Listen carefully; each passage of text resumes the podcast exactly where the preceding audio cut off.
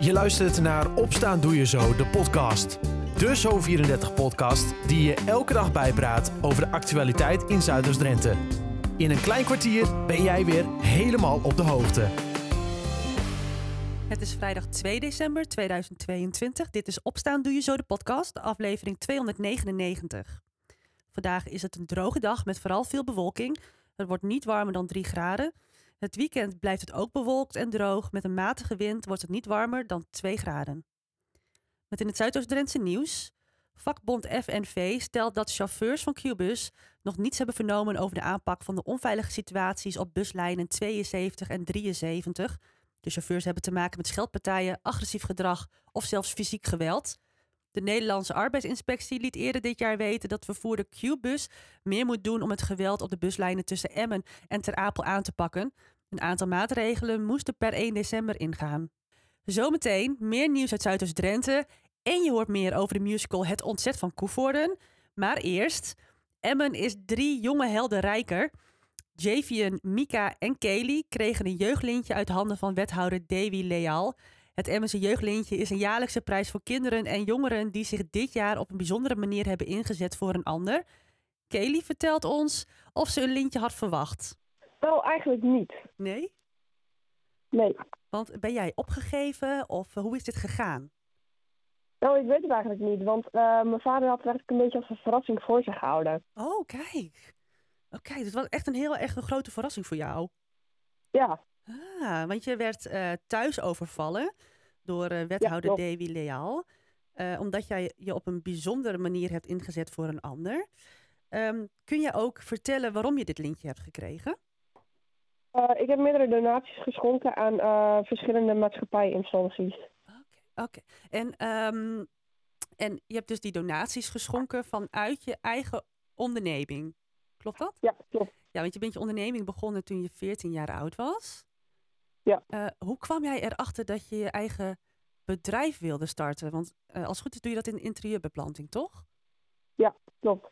Nou, uh, er was een studiocomplex in Emmen en daar zochten ze interieurbeplanting.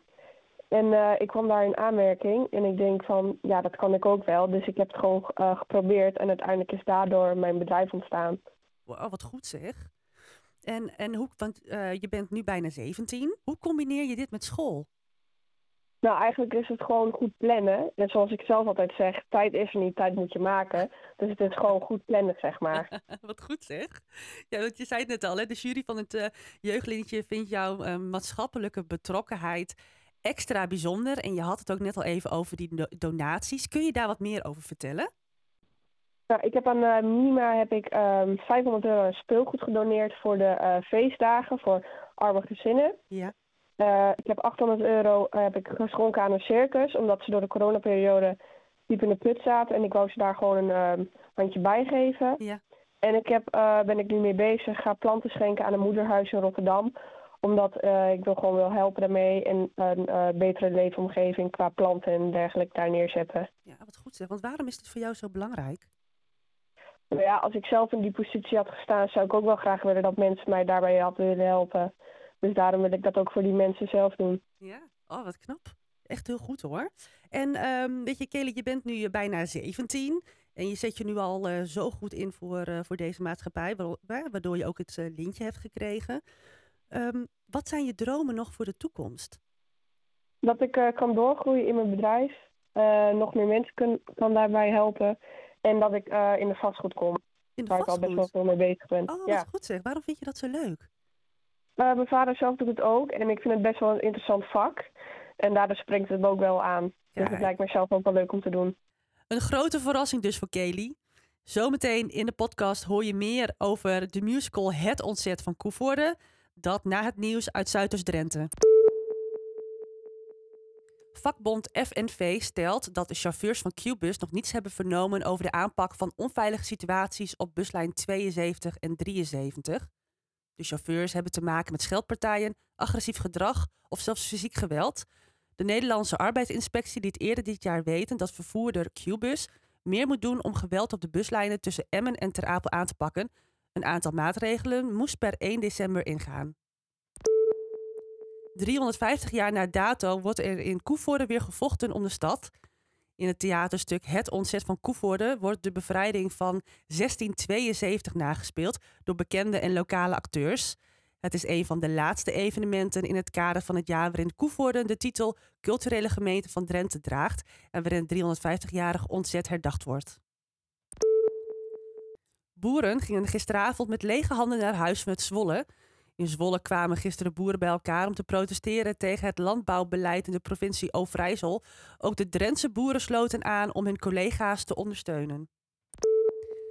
Tot zover het nieuws uit Zuidoost-Drenthe. Voor meer nieuws kijk je op zo34.nl of in onze vernieuwde Zo34-app. 350 jaar na dato wordt er in Koevoorde weer gevochten om de stad. In het theaterstuk Het Ontzet van Koevoorde wordt de bevrijding van 1672 nagespeeld door bekende en door lokale acteurs. Komende zaterdag is de première en de repetities zijn in volle gang. Verslaggever Dylan de Lange was erbij gisteravond en sprak met onder meer regisseur en schrijver Dick van de Heuvel. Ja? Ja, oh sorry. Startshow.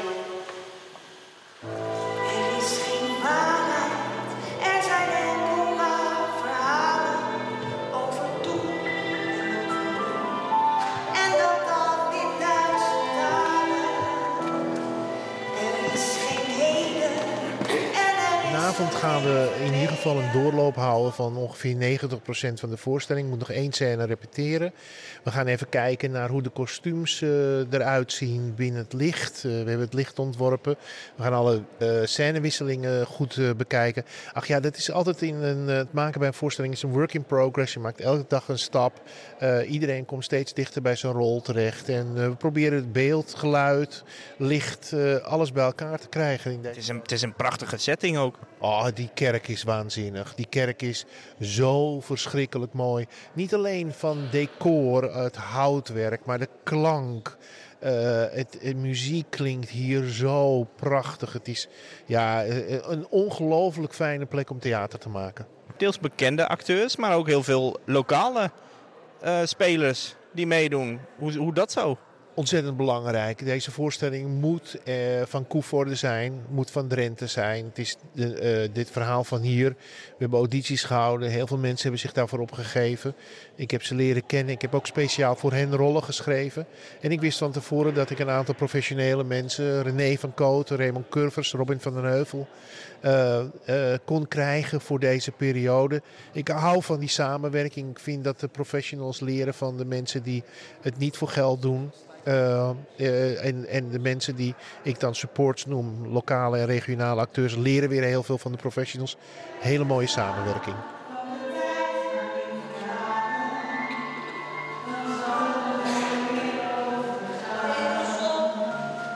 gaan dit nog een keer doen. Het heeft gewoon mee te maken met een doodzonde is als we het niet goed... eh, Gijs Peter, jij bent een van die lokale acteurs die ook meedoen. Hoe is dat?